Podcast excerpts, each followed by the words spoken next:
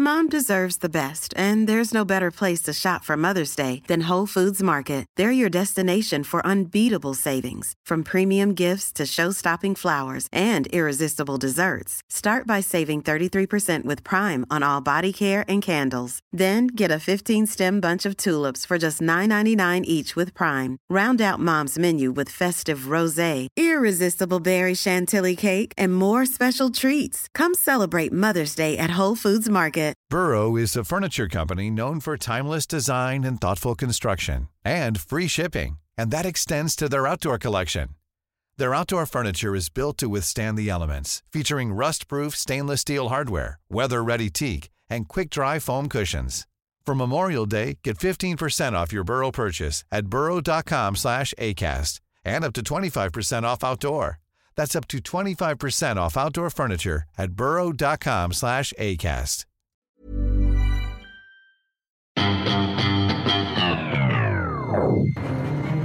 Police now say they have a suspect in the case. Let's go to De var ute på en motionsslinga och kom inte tillbaka eh, på avtalad tid. One concern the police obviously has is that six months on, the slow misstänks för mord på en kvinna i Frankfurt 1992. Någon har blivit knivhuggen uppe på NK på Filippa K. Vi behöver ambulans hit med en gång. Hej och välkomna till Lille Lördag Crime. Både jag och Anita är ju väldigt intresserade av sekter och det är vi inte ensamma om. När man sitter utanför och tittar in i sekter, liksom, vad ska man säga, sektlivets värld och människor som hoppat av och sekter som har kraschat och ja, det är mycket mord, sex, eh, lögner, maktbegär. Då sitter man där och eh, tänker så här, jaha, alltså liksom det känns ibland som att hela civilisationen är en sekt. Så är det ju. Alltså det, om man ska liksom så här, prata om Harari som jag älskar att referera till. Det är ju liksom att allting i mänskligheten är ju egentligen ett kulissbygge. Allt från så här bank till eh, industri. Alltså allting är ju ett hittepå. Och lag och ordning och allting. Allting är ett hittepåsystem för att vi människor ska verka och finnas. Och hur det hittepåsystemet ser ut är ju upp till varje liksom, religion, kultur, generation och så vidare. Så att det är därför världen är föränderlig hela Mm. tiden. Men, så man skulle ju kunna se på samhället som en så mastodontsekt. Ja, På ett sätt. Men det jag kittlas hela tiden av när det kommer till sekter det är så här, skulle jag själv kunna trilla dit? Och det är väl det som är den här kittlingen med just sekter. Varför man blir så besatt utav just att veta. För det är ju vanliga människor. Jag vet. Det är inga kokos. Nej, men ofta början. är det ju sökande svaga människor som blir duperade och tro att det finns någon gudom som sitter inne med alla svaren. Och därför så Absolut. förminskar de sig själva eftersom de kan ju aldrig komma nära. De vill ju bara vara nära den här gudomliga personen som sitter inne då med frälsningen för dem. Och så blir de mer och mer duperade. Och jag tänker att Hade du varit en sektmedlem eller hade du varit en sektledare? Om du var en sektledare lätt. Ja, jag med. Ja. Alla dagar i veckan. Men det är ganska roligt. sektledare kanske? Gift med sig. Ja, du hade varit gift. Ja men det är alltså så mycket softare position. Man är Så o- jag hade varit en härlig sektledare. Ja exakt, men då hade du inte ens varit en sekt. Det hade bara varit nice. Myssekten. Men jag tänker när man ser det utifrån och beskriver hur människor är med i en sekt. Då beskriver man ju knappast de här människorna som människor. Nej. Det blir liksom någonting annat. Men man klumpar ihop dem. Det blir liksom en, en, en organism nästan. Jo, men liksom, de här grupperna har ju såklart egna föreställningar om vad livet går ut på. De har egna normer som vi inte alls kan förstå. Ofta när, när, som till exempel Knutby. När det har kommit fram då med Kristi brud Åsa Walda. Och att folk nästan borstade hennes tänder. De såg till att hon fick shoppa. Eh, De hade sex med henne när hon ville. Hon levde liksom som någon det blir nästan lite, jag vet inte, djuraktigt. Ja, men, det blir jag, har ju bestialiskt sett, jag har ju sett den här nu sex delars eh, dokumentären på tre timmar om Arboga kvinnan Johanna Möller. Eh, och hon är ju också någon form av sektledare skulle man kunna säga för de här eh, alltså flyktinghemmen och för eh, liksom sin familj och människor som hon har liksom snärjt i sin närhet. Alltså hon är så galen så hon sitter liksom och hotar poliserna i polisförhör. Äh, Eh, de som är elaka mot mig kommer få knäskålarna knackade så jag hoppas att sjukvården tar in mera rullstolar. Och säger polisen i sitter du precis och hotar oss? Nej, jag har bara en livlig fantasi. Men, Men också så här, jag ska hänga upp han i ett träd. Det är sån här humor jag har. Man måste, det är så konstiga grejer att säga. Alltså, skitsamma. Jag jag fattar, men- det handlar om att man inte kan spegla sig mot normalitet. Nej. Så den normativa värld man skapar blir ju en verklighet. Och sen ska man komma in i vanliga rättssystemet, i vanliga liksom, ska säga, tvåsamhet hit och dit.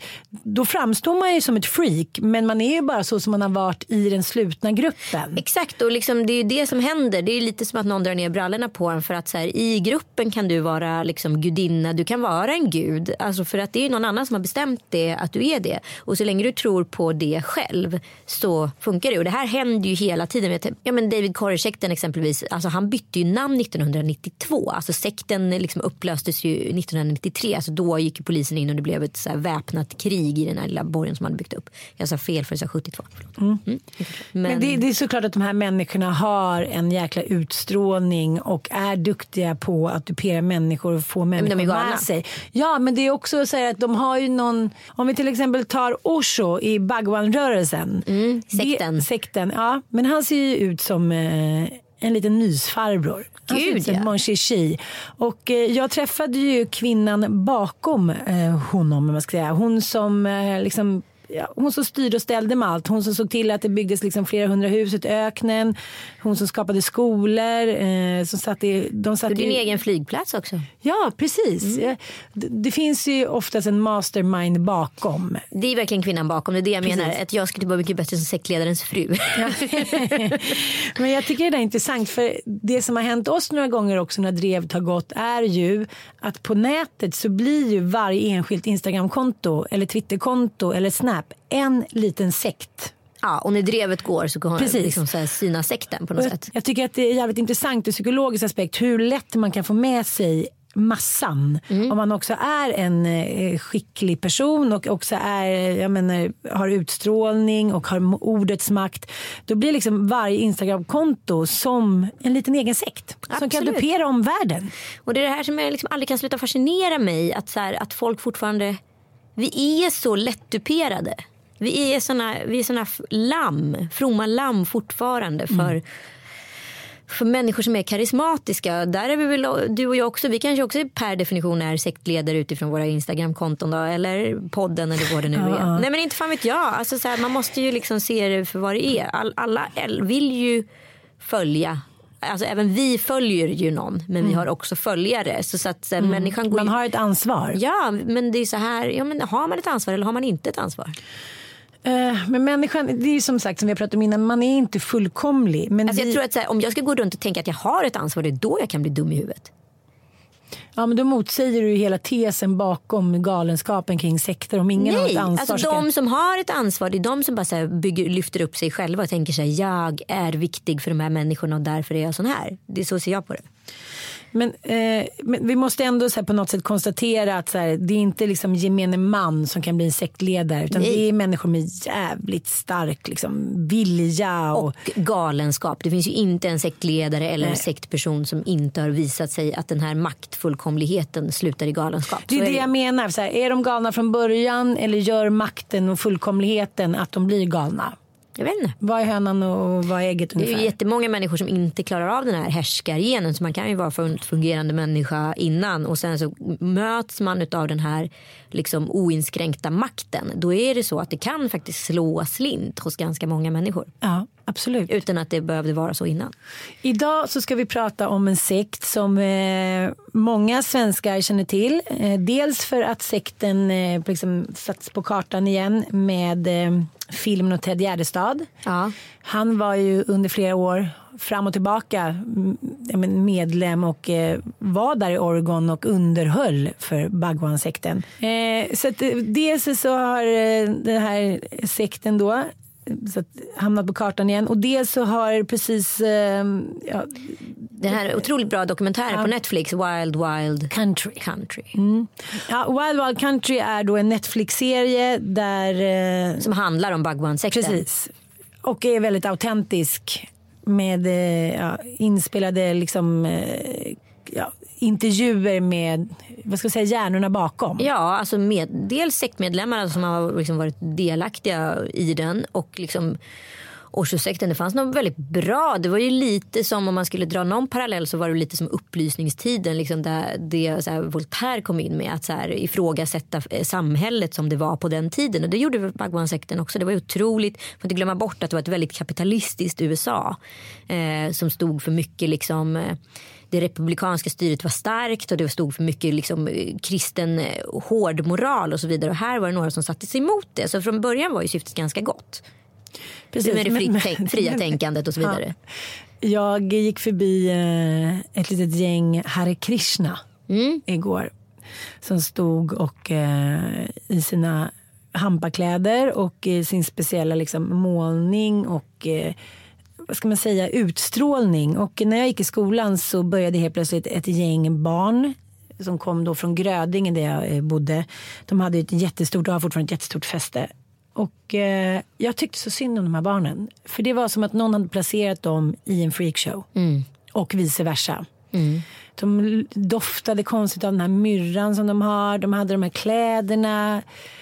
Och kändes faktiskt hjärntvättade. Och jag var med även ute där i Grödinge och barn gick omkring och liksom eh, slog sig själva och satt och helt glasartade.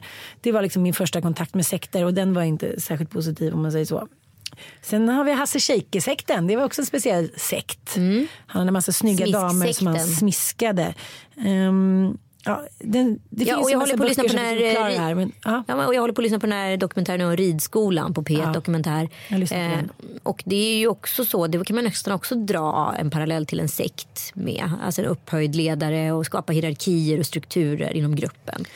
Det är egentligen de två komponenterna som det är. En stark ledare skapar hierarki och strukturer och sen så ett tydligt budskap som alla ska efterleva så man inte känner sig bekväm i, sin, i den andra verkligheten som man också är en del av. Men jag tycker du har en poäng i det där. Att det finns ju någonting bra, en bra grundidé med sekter.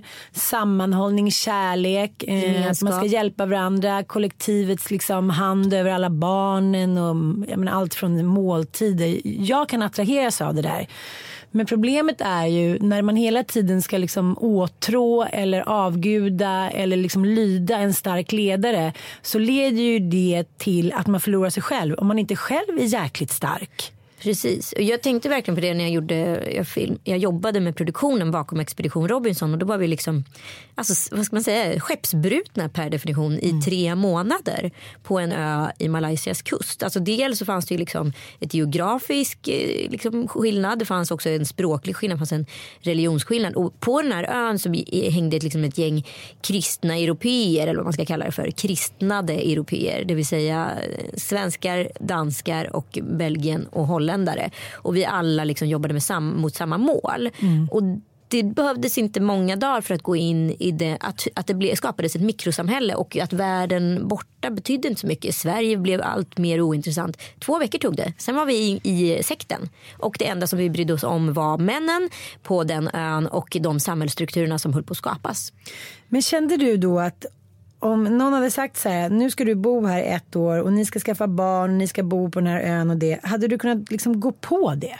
Men alltså, folk skilde sig från sina respektive. Eh, det var någon flickvän som var på väg ner och skulle träffa sin pojkvän. Han bara, åk inte, jag har träffat en ny tjej och vi har förlovat oss. Alltså du vet, det här är på beloppet av en månad. Det var liksom en ögalenskap. Och det behövs inte mycket. Det är det jag menar. Så här, jag tror att sekten ligger oss närmare än vad vi faktiskt tror. Jag tror inte liksom, jag skulle gå in i smisksekten. Men jag kan inte säga att jag inte skulle göra det. Förstår du? Det är det som är det galna i det. Och det är det som är kittlingen.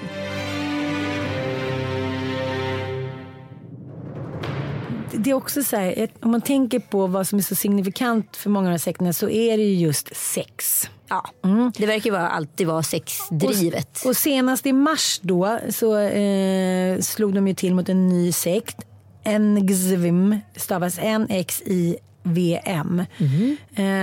Eh, och då deras grundare Keith Raniere, så här, supersnygg. Såklart. Ja, precis. Som David Courage var ju också ja. supersnygg. Ja, ja, ja. Han har då haft kvinnor fångna som sexslavar och sen har han bränt sina initialer på deras kroppar. Fräscht. Mm. Eh, Nej, så att, innan vi ens liksom börjar den här podden så kan man kanske säga så här, att gå med i en sekt kanske aldrig faktiskt är en bra idé. Nej, och jag måste bara tillbaka till så Johanna Möller igen, för det var ju också ett sexdriv. Och det som verkar, precis som i Bhagwan-sekten vara och i de andra sekterna, verkar finnas en så här när de här människorna helt plötsligt får känna, vad ska man kalla det för, mänsklighet. Du vet när de blir svartsjuka. Det är då det går åt helvete. Det är då det drar helt snett. För de kan inte hantera den misslyckande känslan. Alltså mm. om man själv blir svartsjuk eller avundsjuk så, så förstår man man har ändå ett relevant perspektiv på det. Förstår att så här, ja, men alltså man kan inte så här, tävla i kärlek. Om någon blir kär i någon annan då är det bara så. Liksom. Men i det här fallet så, så bara förstår man att här går det åt helvete. Johanna Möller ja, dödade ju med hjälp av andra förmodligen eh, sin exman. Eh, på grund av att han hade träffat en ny tjej. Och precis när hon hade dött eller när han hade dött så skickade hon jättemånga sms till honom och sa gud vad tråkigt han tog en överdos, tråkigt för dina barn. Bla, bla, bla. Alltså totala äh, lögner liksom. Bara för att så här, jag fick honom, jag vann mm. honom och han var så rädd för henne så att. Ja, men ja. Precis som Sheila som är bakom, gärna bakom Bhagwan-sekten tillsammans med Osho. Osho träffade ju en ny kvinna i sekten. Det var ju då det började gå riktigt åt helvete ja. och det är där hon tappade. Precis. Ska vi prata om Osho? Ja, det ska vi göra. Jag måste bara eh, förtydliga också att de flesta som startar sekter, särskilt kanske på 70-talet 80-talet när det var lite kanske en, lite på tapeten. Det var ju många sekter som startades då. Då var ju nästan alla som startade sekter riktiga nutcases. Ja, ja. Jag tänker på Heaven's Gate. Har du någon koll på dem? Den är ja, men det gröna 70-talet. Marshall Applewhite och Bonnie Nettles. De var ju två helt tokiga personer. De tyckte då att sexualdriften var ett stort problem. Alltså det var, de var precis tvärtom. Så att de eh, kastrerade då eh, hälften av alla män i rörelsen. Mm. Ja, liksom bara två, så här, hälften av så här, produktiva sexuella män i sin peak att kastrera sig. Bara det, så här, hur är det ens möjligt? Ja. Ja, men de predikade i alla fall jordens undergång och de lärde sina följare om de här utomjordiska varelserna. Det kanske är lite svårare att få med folk på idag. Men det var ju väldigt stort då. Ja men vadå, eh, kolla på vad heter, det, vad heter Tom Cruise-sekten höll jag på att säga. Ja men scientologerna. Ja precis. Ja, jag vet. Men det är ju också så här, de tror på någon så här rymdvarelsehistoria. Tom Cruise, att han ens får ett jävla jobb alltså. Ja, men de i alla fall, de, de, de, det hela slutet som det ofta gör väldigt tragiskt och eh, i samband med att kometen Hale-Bopp passerade jorden i mars 1997 tog 38 sektmedlemmar sina liv. Mm. De trodde då att de här rymdskeppet följde kometen och att det här skulle ta då deras själar till en annan ex existentiell nivå. Ja, det är galenskap. Men nu går vi in tycker jag på Sheila Bernstein som hon heter nu. För detta Ma Anand Sheila. Hon träffade ju eh, eh, Osho, Osho eh, liksom redan som tonåring med sin pappa då i Indien och blev totalt förälskad. Mm. Alltså, alltså bara... Bhagwan-rörelsen började i Indien och sen fick de flytta. Precis, sen flyttade de till Oregon. Och, eh, hon, jag träffade ju henne häromdagen när jag eh, vickade på radion. För hon var här förra veckan för att hon skulle prata på Gather. Eh, någon för, ja, någon föreläsningsturné som hon är ute med. Så det var, eh, intervjun gjordes i P5 med Farshad och han höll i intervjun och jag flikade in lite kvinnogrejer och barngrejer. Men det var väldigt svårt och vi visste det redan innan. Att det kommer en liten dam som är jättesöt och som predikar fred och kärlek. Och så här, att, vi vill ju inte sätta dit henne men sanningen är faktiskt att hon... hon är ju pure evil. Ja, det var, vi blev lite duperade. Men hon var ju sekreterare till Bhagwan Osho då och eh, benämns då som hjärnan bakom hans framgång. Mm. Det var hon som såg till att de fick köpa eh, den här marken då, Oregon och hon var liksom en sån jävla strateg. Mm. De byggde liksom flygplatser, eh, hus, skolor. De ja. separerade ju eh, barnen från de vuxna då. För att det skulle kunna ligga loss lite. Mm. Det är så jävla hjärtskärande när man läser ja, men vittnesmål nu när det kommer upp på tapeten igen inför då Now Wild Wild Country om barn som säger att det är klart att det var härligt. Där levde vi in the middle of nowhere. Och, eh, det var ett helt eget samhälle. Precis. Men, men eh, sen till exempel om man gjorde illa sig. För han sa när jag var tio år första gången så, så blev jag full då. För det fanns ju inga liksom, det var ju helt gränslöst. Mm. Även barn fick ju ligga med varandra. Och, då hade han blivit jättefull och var jätteledsen och mådde jättedåligt och då ville såklart prata med sina föräldrar. Men då fick man tas om hand av sina kompisar i liksom communityn i det huset de bodde.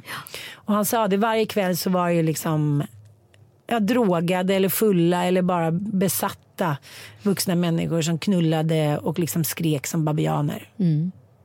Och det visade sig också att under liksom hela eh, den här strukturen som byggdes upp så hade ju Sheila byggt små hemliga gångar då mellan alla ställena som snabbt kunde liksom eh, eskortera sig till diverse, det fanns ju ett sånt här sexrum som var liksom som ett spa.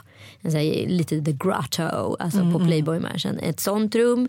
Sen så kunde man snabbt ta sig till, till Oshos sovrum och så vidare och så vidare. Alltså det fanns och sen så var allting eh, inspelat på band. Det finns hur mycket band som helst på allting som har skett. Alltså de har, varit- hon har alltså bevakat alla samtal. Så hon hade koll på Osho, den här älskarinnan hela tiden. Och det var det här som blev till sist galenskapen. Mm, Men det vill hon ju inte alls erkänna på något sätt. Nej, det vill hon ju inte i dokumentären heller. Hon sa ju det att hon, hon lämnade ju sekten för att eh, Osho då hade börjat ta droger. Och då var jag lite så här, ja men det var väl det ni gjorde hela tiden. Var det något nytt då helt plötsligt? Nej, utan det började med att han började så här, ifrågasätta hennes makt och hon ville inskränka den och där tog det ju hus i helvete och sen så slutade det med att han anmälde henne till så att hon blev ju liksom utvisad från USA. Ja, men hon lämnade alltså allt. Hon eh, bodde ju då i, som vi sa innan, i Indien och träffade Osho när hon var 16 och blev liksom... Eh, ja, han trodde ju att han skulle bli en ny Buddha. Ja, Mm. Så att, eh, jag Kila- tror. ja men det är härligt. det är ändå en känsla som jag har varje dag. Kilanes pappa då hälsade på i hans lägenhet och eh, det var ju där de liksom, vad ska man säga, tidiga anhängarna träffades. Och, eh, hon berättade ju då att when I first saw Bhagwan I became instantly devoted. Och eh, hon kände så här, ja men det var det här ögonblicket jag träffade honom och eh, om döden liksom, om jag hade fallit död ner i den sekunden så hade det ändå varit liksom hela mitt liv hade varit liksom komplett.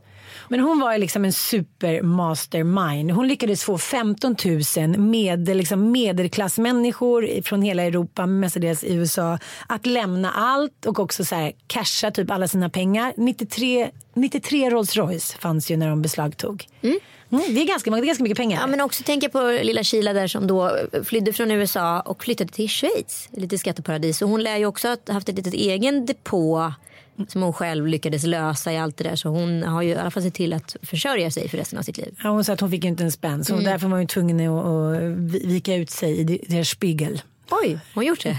Ja, men lite lättklädda bilder. Mm. Men det som var så Det är smart. så konstigt allting.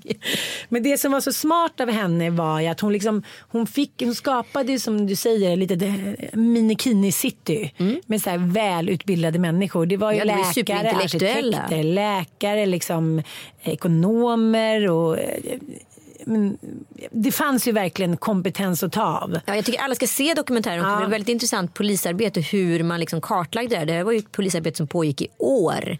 Och liksom eh, hur eh, det var intressant, eh, liksom det politiska systemet runt omkring. För fakt- de var helt untouchable. Och de hade också sett till att liksom nästan headhunta folk dit till det här området som de behövde ha där. För de behövde ha en viss typ av kompetens utav jurister bla bla bla bla bla. För att klara att hålla fortet så att säga. För det var ju verkligen ett fort. Det var ett eget land i landet. Men jag tycker det är intressant att man säger ja, men det är väldigt tydligt att eh, Sheila, eh, att hon liksom eh, att hon lyckades ro hem det här. Att det inte bara var ett nattcase. Liksom. Hon ställde upp i 60 minutes, hon var ju, liksom, hon var ju så pressens älskling. Men nu är det så många som har berättat att så fort kameran stängdes av då var hon ju så här maktfullkomlig igen. Alltså, Hon skulle hellre dö än att liksom, ja, bli av med den här makten som hon så här, på något sätt har tillskansat sig på ett jävligt smart sätt. Liksom. Och det är ju väldigt intressant för hon tappar ansiktet ett par gånger i den här dokumentären. För att hon har ju spelat det här bandet så många gånger hur det har funkat. Hon låter så. Hon är så fin och varm och kärleksfull i början och sen förstår man att sen, nej nej nej det här går på repeat. Alltså det är samma kassettband som spelas om och om igen.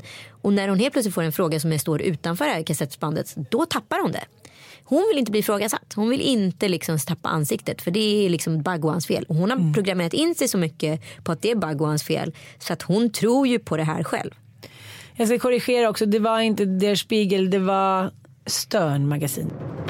Hon sa då när vi intervjuade henne att hon lämnade av egen fri vilja för att hon inte kunde sitta och se på att eh, Bhagwan då gick emot sin lära att ta droger. Ja, det är såklart en, eh, en, Sanning med en modifikation. omskrivning. Men nu tjänar hon pengar då? För hon Nej, lär ju men- ändå ha gjort en liten depå där i Schweiz som hon flyttade till. Ja, hon har det, bra. var ju verkligen det var ju smart att hon flyttade till, till Schweiz. Nej, men eh, enligt, enligt, enligt, eh, när vi frågade henne om pengarna så sa för jag frågade vad, vad hände med alla pengar? Det var ju 63 Rolls Royce bara till exempel. Mm. Det är ganska många miljoner. Och varför var det så viktigt att ha så mycket pengar? Och då bara flöt hon ju iväg. Men hon sa att hon inte hade fått en spänn. Mm. Så att i 1985 när hon hoppade av det, då sålde hon sin story till Stern. Och eh, ja, det innehåller också så här nakenbilder på Kila. Ja, så att så himla icke-kontroversiell, icke-kontroversiell var hon ju inte liksom. Nej, nej, nej men Alltså, Nej. hon är ju en split personality. Det kände man ju verkligen i dokumentären. Så, eh, men det är så fascinerande. Men det, det blir ju också extra adderande med de här Kristi brud. Alltså den här andra personen som egentligen bestämmer. Och eh, liksom Kila. Alltså det finns ju ändå någonting med de här kvinnorna som ändå får som maktfullkomlighet. Det är därför jag säger att jag skulle vara gift med sektledaren istället för att vara sektledare. För det är där makten finns. Ja. Men, men handlar det om, jag läste en bok i tonåren som heter Kvinnor som älskar för mycket. Kvinnor som bara så blir besatta av att upphöja och lämna allt för en man. Ja men till exempel om man tar den här eh, sekten i Texas. Eh, som, eh, ja men där de, eh, vad är den inspirerad av? Vad heter den? Love, Big Love. Ja, Big Love, Ja, med men- den här mormonsekten Ja, menar ja, där den- alla hade så trevliga kläder. Precis, och de här eh, jävligt bra luggarna i och för sig.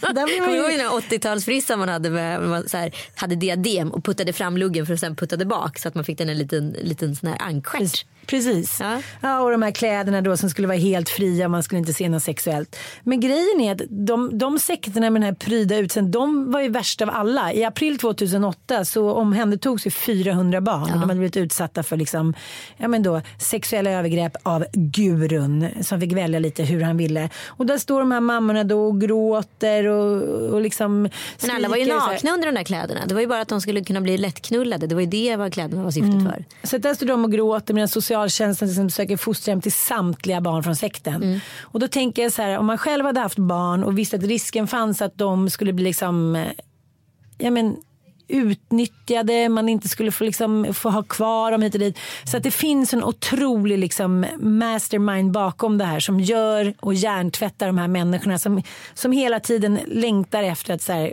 få vara med i det här ljuset från ledaren som de tror är en gud nedstigen från jorden. Liksom. Det finns en väldig styrka i det.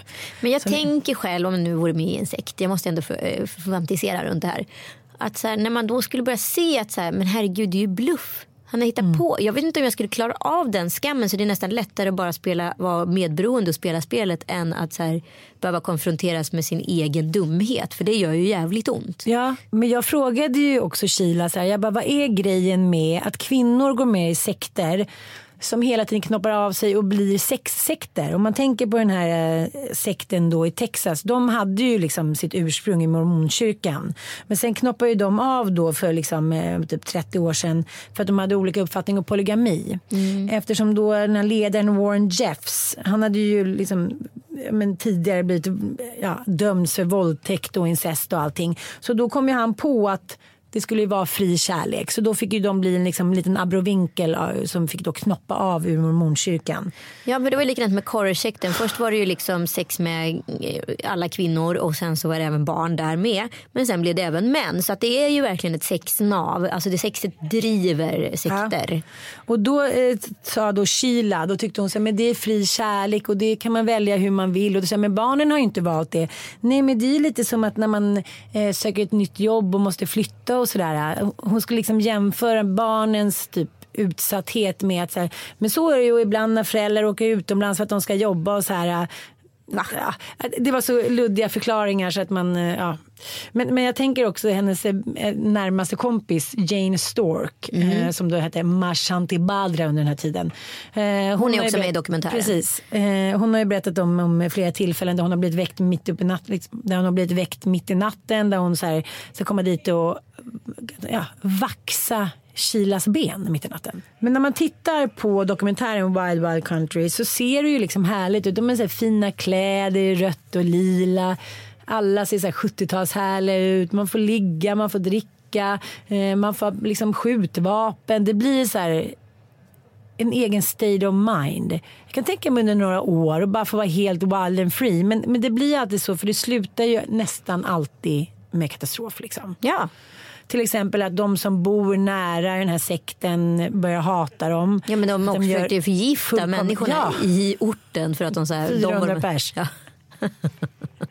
Så där satt de då i ett, ett, laboratorium och eh, planterade då olika sorters förgiftning som de då planterade i salladsbarer Ja, i den här lilla stan Och någon så här pralinpaket som de levererade till eh, närmsta lilla, lilla tjorre där. Alltså det var ju så mycket knaseri som Mm. Men pågick. det här skulle Sheila inte erkänna utan hon sa att det här var en komplott då. Ja, det var en komplott. Mm. Men hon satt ju ändå 39 månader i fängelse. Men Mm. hon, eh, hon var så otroligt glansig och glasartad starten eh, och bara fortsätter predika det här med kärlek. Och, man sitter ändå utifrån och känner sig ganska eh, normal och så tänker man sig hur kan man hamna i det här och det är till exempel medlemmarna i Knutby de har ju pratat med liksom psykologer efteråt eh, och bland annat Helena Lövgren som är psykoterapeut hon har ju jobbat med många av de här eh, kvinnorna männen som var i sekten och de känner sig så jävla dumma så här, jag är ju inte dum hur har jag kunnat gå på allt Ja det här men exakt liksom? det är det jag menar. Dumheten är så skamfull. Ja, men det är också så här, det är väldigt intressant. Åsa Waldar jobbar ju mycket med det här att eh,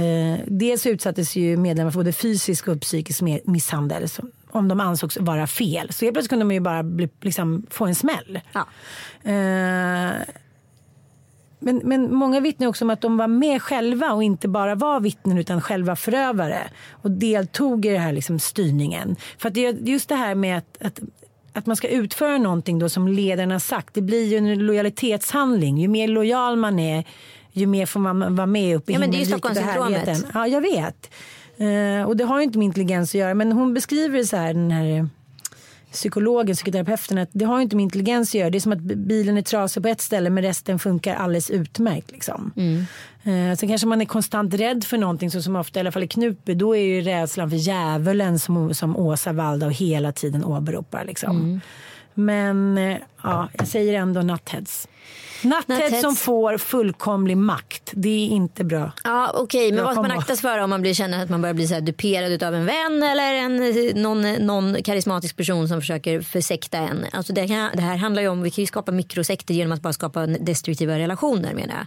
Det kan handla på kompisnivå, att ett tjejgäng blir helt destruktivt ifall det är en stark gruppledare eller en kill, ett killgäng. Eller så kan det vara även i relationer man till kvinna eller eh, homosexuell relation. Alltså så här, dra! Dra, spring därifrån. Var, det är helt okej att vara dum. Det är helt okej att vara dum ibland. Man, man får vara det. Ja, men det är också så här att vi, vi som är utanför som ser att det här eh, händer. Det kan man också jämföra vä- vänner som hamnar i dåliga relationer. Man får fan ta sitt ansvar och så här, ta dem därifrån. Kosta Ja. vad det kosta vill. Det fanns ju så många historier på 80-talet med eh, jag har en, en, tjej, en tjejkompis som fastnade och hennes föräldrar då, som åkte ner vet, anlitade. Det var ju liksom en hel business i USA att man så här, skulle kidnappa tillbaka människor som hade fastnat i sekter och de låg i lådor och straffade. Det var liksom sån jävla galenskap. Men jag tänker så här, ett, ett generellt råd överlag är väl att inte ansluta sig till slutna sällskap. Precis. Jag menar, det är väl bara att ta liksom en MC-klubb eller jag menar, allting. Ja, men vadå, ser man att en, en kultur på en arbetsplats börjar sp- spåra där man liksom så här märker att så här, det, det handlar väldigt mycket om att nå- någon eller några personer är upplyfta eller uppburna på något sätt då är det väl någonting som inte stämmer. Mm. Och om inte liksom jobbet uträttas utan det kanske bara uträttas tjänster då kanske det är någonting som är fel. Ja, jag sitter och kollar på bilder från rättegången när då Sheila blev dömd för att eh, ha försökt förgifta då 300 personer i eh, Oregon och även då Bhagwans assistent som då hon hade en horn i sidan till. Och, eh, Ja men det är ju den som han hade som gemål helt enkelt som han blev kär i. 750 personer blev dåliga. Alltså herregud, det är som galenskap. Ja, man kan eh, inte prata nog om sekter. Se alla dokumentärer nej. som finns, lyssna på alla poddar som finns om detta. Vi älskar sekter på ett jävligt bitterljust sätt måste man i alla fall konstatera. Tack för att ni lyssnar på Lille Lördag Crime. Vi är tillbaka om två veckor. Akta er för Anita om hon vill starta en sekt. Police now say they have a suspect in the case. Let's go to Ja, hon var ute på en motionsslinga och eh, kom inte tillbaka eh, på avtalad tid. One concern the police obviously has is that six months on, they've slowed misstänks för mord på en kvinna i Frankfurt 1992.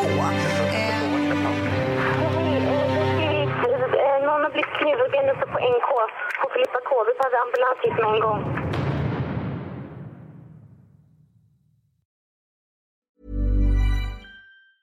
Hi, I'm Daniel, founder of Pretty Litter. Did you know cats tend to hide symptoms of sickness and pain? I learned this the hard way after losing my cat, Gingy. So I created Pretty Litter, a health monitoring litter that helps detect early signs of illness by changing colors, saving you money and potentially your cat's life. Pretty Litter is veterinarian developed, and it's the easiest way to keep tabs on your fur baby's health right at home. Go to prettylitter.com and use code ACAST for 20% off your first order and a free cat toy. Terms and conditions apply. See site for details.